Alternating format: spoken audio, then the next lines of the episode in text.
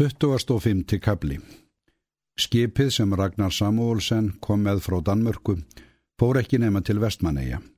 Þaðan tók hann sér fari sama kvöld og hann kom með skútu sem flutti vörur í vógin. Annar af farþjóðunum frá Danmörku þurfti að fara þessa sömu leið og slóst í fylg með Ragnari. Þetta var ungur sólbrendur verkfræðingur sem talaði bjagaða íslensku og hétt mjög einkennilegu nafni. Hraun. Svavar Hraun. Ragnar hafði lítið sem ekkert gefið sig á talviðan áður en nú voktu þeir kyrláta á bjarta sumarnóttina og rættu saman. Þeir sátu fram í stafni og horði í áttina til lands. Ragnar var í sjönda himni en rólegur í bræði, næstum því hátílegur. Hann hafði aðeins dvalist tvö ár erlendis en fannst hann hafa verið miklu lengur að heiman.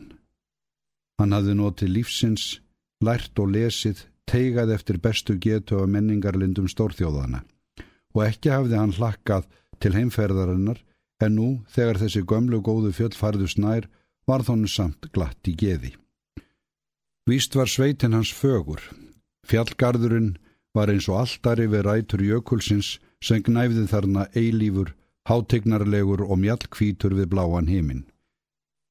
Þessi þekkasjón iljaði Ragnar um hjartarætur og vakti honum heita og flekklausa þrá.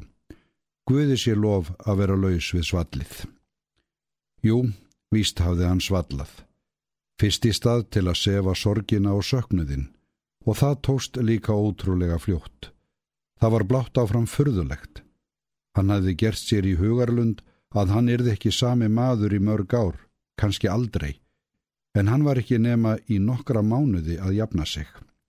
Alltið nýja var töfrandi ævintýri og hitt sem fortíðin bar í skauti sínu víðs fjarrri.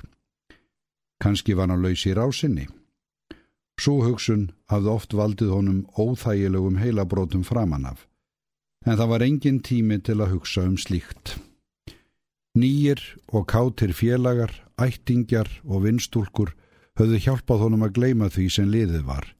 Já, sannarlega hafði hann eignast vinkonur margar og góðar. Skrítið að sjá þetta allt aftur, saði verkfræðingurinn ungjæðingslegru röddsinni. Hann var háruvexti og ljósarður, sveipreitn og grannur í andliti. Ég var unglingur þegar ég fór. Svo að þér er þú vogasveit? Samúlsson, ekki þó sonur faktorsins. Mér minnir að hann héti það? Ragnar kinkaði kolli. Hann róðnaði ósjálfrátt og þótti það miður.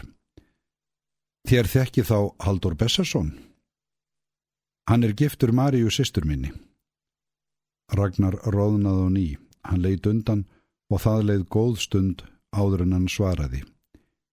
Ég vissi ekki að Maríu ætti neitt bróður. Emið það? Og jú, ég straukað heimann þegar ég var strákur, komst í franska skútu og fór með henni til Fraklands. Ég mann vel eftir Haldóri. Hann lendi í hrakningi að vetri til og náði landi heima hjá okkur og það var þá sem hann kynntist sýstur minni. Já, þau eru vonandi enn á lífi. Hraun horfið rannsóknar augum á Ragnar, fannst hann eitthvað svo undarlegur. Já, svaraði Ragnar stuttur í spuna.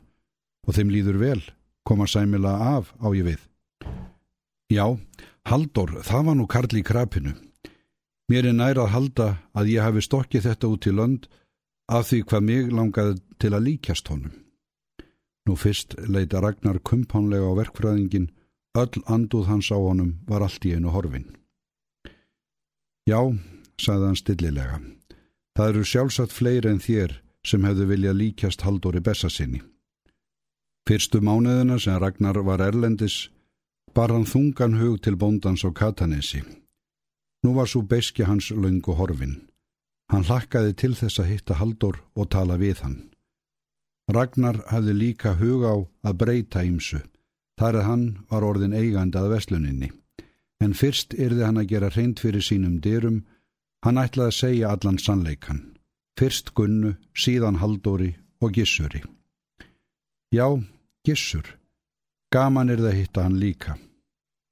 Einu sinni hafðu þeir svarist í fóstbræðralag, þeir voru bræður í tvennum skilningi. En mest hlakkaði hann til að hitta Gunnu þessa fallegu kátu sýstur sína sem myndi hann á mjölk og hunang.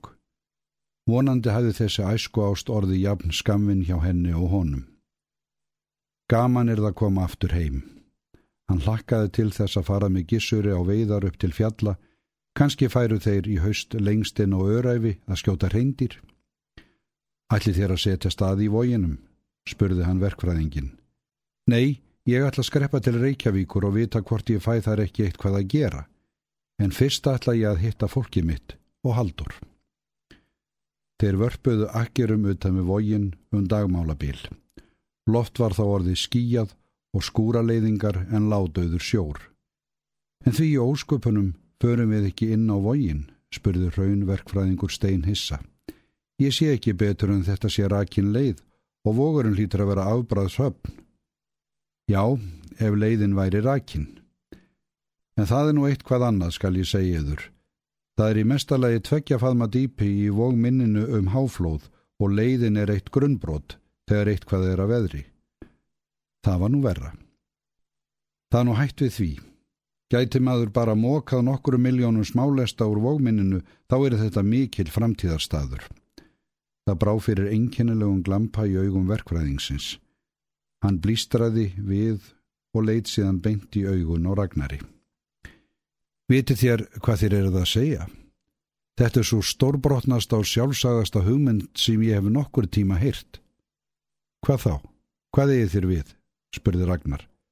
Það stakk hann ónótalega hvað verkfræðingurinn var ör og framandlegur í framkomu. Auðvitað á að móka burt sandunum. Það er sveimer verkefni sem segir sex og allt í einu rann upp ljós fyrir Ragnari. Það var farið að nota vélar til að móka sandu og möl. Hann hefði séð þær ytra að enginn skildi hafa látið sér detta þetta í hug. Verkfræðingurinn hló. Íður kemur þetta óvart, sagði hann í gamantón. Þér eru sveimir ekkert blávatn. Það drjúp hafiður miljóna fyrirtækin á þess að þér hafið hugmyndum. En það þarf mikið fjegi þetta. Þér nefnduð miljónir. Hvar ætli þér að taka þær? Sveitin, síslan, landið verður ábyrgjast lán, hver einasti maður sem heyrir þessa uppástungu hlýtur að fallast á hana. Ragnar hafði í kaupmannahöfn, kynst stúdendum og öðrum framfaramönnum átt þess kost að gera samanburð á löndum sínum heima og erlendis og sannfærstum hver voru megin einkinin í skapgerð Íslendinga. Það var ekki laust við að vottaði fyrir ílkvittni í brosi hans. Já, segið þeim þetta bara hérna í sveitinni. Það er ekki hægt við öðru en þeir júk upp til handa og fóta af hrifningu. Þeir koma sjálfsagt hlaupandi með spariskildingana sína og keppast um að leggja í fyrirtækið. Þó það nú væri. Þér eru vist búin að vera lengi í útlöndum. Já, næstum eins lengi og þér hafi verið hér heima, svaraði hraunverkfræðingur, snöggur upp á lægið en rólegur í bræði. Svipurinn sem á hann kom sæði greinilega til um hvað honum bjó í brjósti. Hann vantar vist ekki sjálfströsti þennan, hugsaði Ragnar með sér og líkaði miður að verkfræðingurinn skensaði hann með því hvað hann væri ungur. Hann átti þó stærðar verslun. Hraun hefði kannski gott af að vita það. Málfæslumadur Samúlsens í Kaupmannahöfn hafði annast fyrir þá feðga kaup á vesluninni og Ragnar undirritaði kaupsamningin, fyrsta afborgunin var þegar greitt og nú var Ragnar einmitt að koma heim til að taka við vesluninni. Lengra var ráðagerðum hans en ekki komið.